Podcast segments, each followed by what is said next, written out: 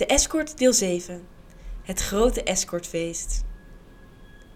Twee keer per jaar organiseert de organisatie waar ik voor werk een groot exclusief feest waar alleen de high-class escortes en vaste goed betalende cliënten komen.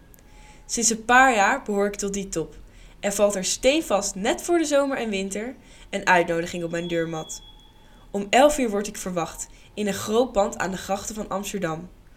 Voor deze gelegenheid trek je natuurlijk het allerduurste wat je hebt liggen uit de kast. En zo stap ik dan ook, gehuld in een donkerblauw satijnen setje met fonkelende kristallen en een simpel zwart jurkje en hoge pumps, de grote villa binnen. Terwijl ik mijn make-up in de enorme spiegel in de hal check, zie ik achter me Ruby verschijnen. Ze heeft haar halflange bob donkerrood geverfd en draagt een donkergroene jurk met centuur. Isa, wat leuk je eindelijk weer te zien! Ze kust me op beide wangen en we lopen samen de enorme zaal binnen, die verlicht wordt met dieprode kaarsen en waar de muziek zachtjes opklinkt vanuit de hoeken. Ruby is een van de vijf high-class escorten die Katie onder haar hoede heeft en ik mag haar graag. Al kletsend lopen we naar de bar, terwijl we grote loungestoelen passeren waar men zich al goed met elkaar vermaakt. Hier en daar spot ik bekende vaste cliënten, die ik af en toe vriendelijk begroet in het voorbijgaan. Terwijl Ruby en ik elkaar op de hoogte brengen van de laatste ontwikkelingen in ons leven, zie ik hoe Hug zich een weg baant door de zaal, die steeds voller begint te worden. Hug is een zakenman die zich in de top van de Nederlandse bankenwereld begeeft en geen tijd heeft voor een vrouw of gezin, maar wel graag eens per twee weken een avond met mij doorbrengt. Hij glimlacht naar Ruby en stelt zich voor, waarna hij zijn blik goedkeurend over ons laat glijden. Ruby en ik hadden het net over onze favoriete cliënten, zeg ik met een knipoog, terwijl ik even zijn arm aanraak. Hugh grijnst verlegen. Niets dan goede verhalen, doet Ruby een duit in het zakje. Hugh laat zijn hand over mijn rug naar mijn billen glijden. Ik zal een drankje voor jullie halen, biedt Hugh aan, terwijl hij met onze lege glazen naar de bar loopt. Ruby kijkt me glimlachend aan. Lekker ding is dat zeg?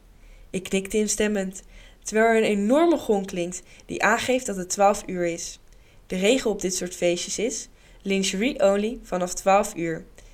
En dus laten Ruby en ik gehoorzaam ons jurkje van ons afglijden, terwijl er iemand langskomt om ze veilig voor ons op te bergen.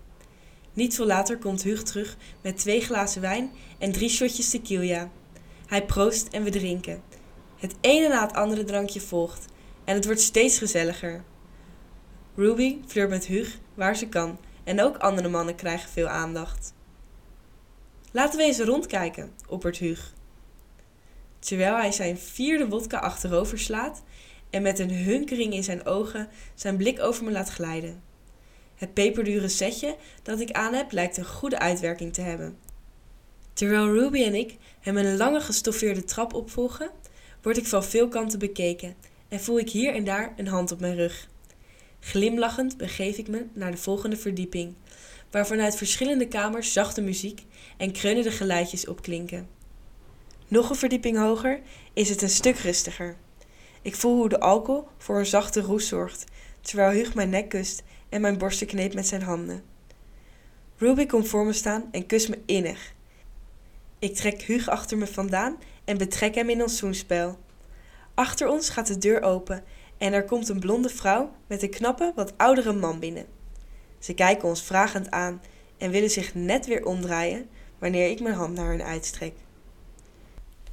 Terwijl Ruby zich ontfermt over Hug, kus ik de onbekende blonde dame en dan doen we de man van zijn kleren.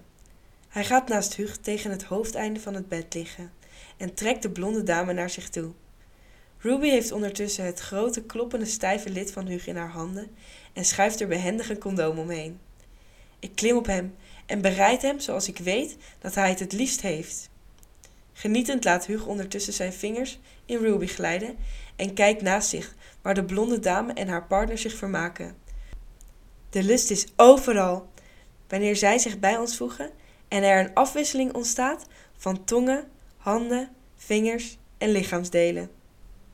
Als we tenslotte afscheid nemen en Ruby me gedag kust, fluistert ze: Ik kan niet wachten tot het volgende feest.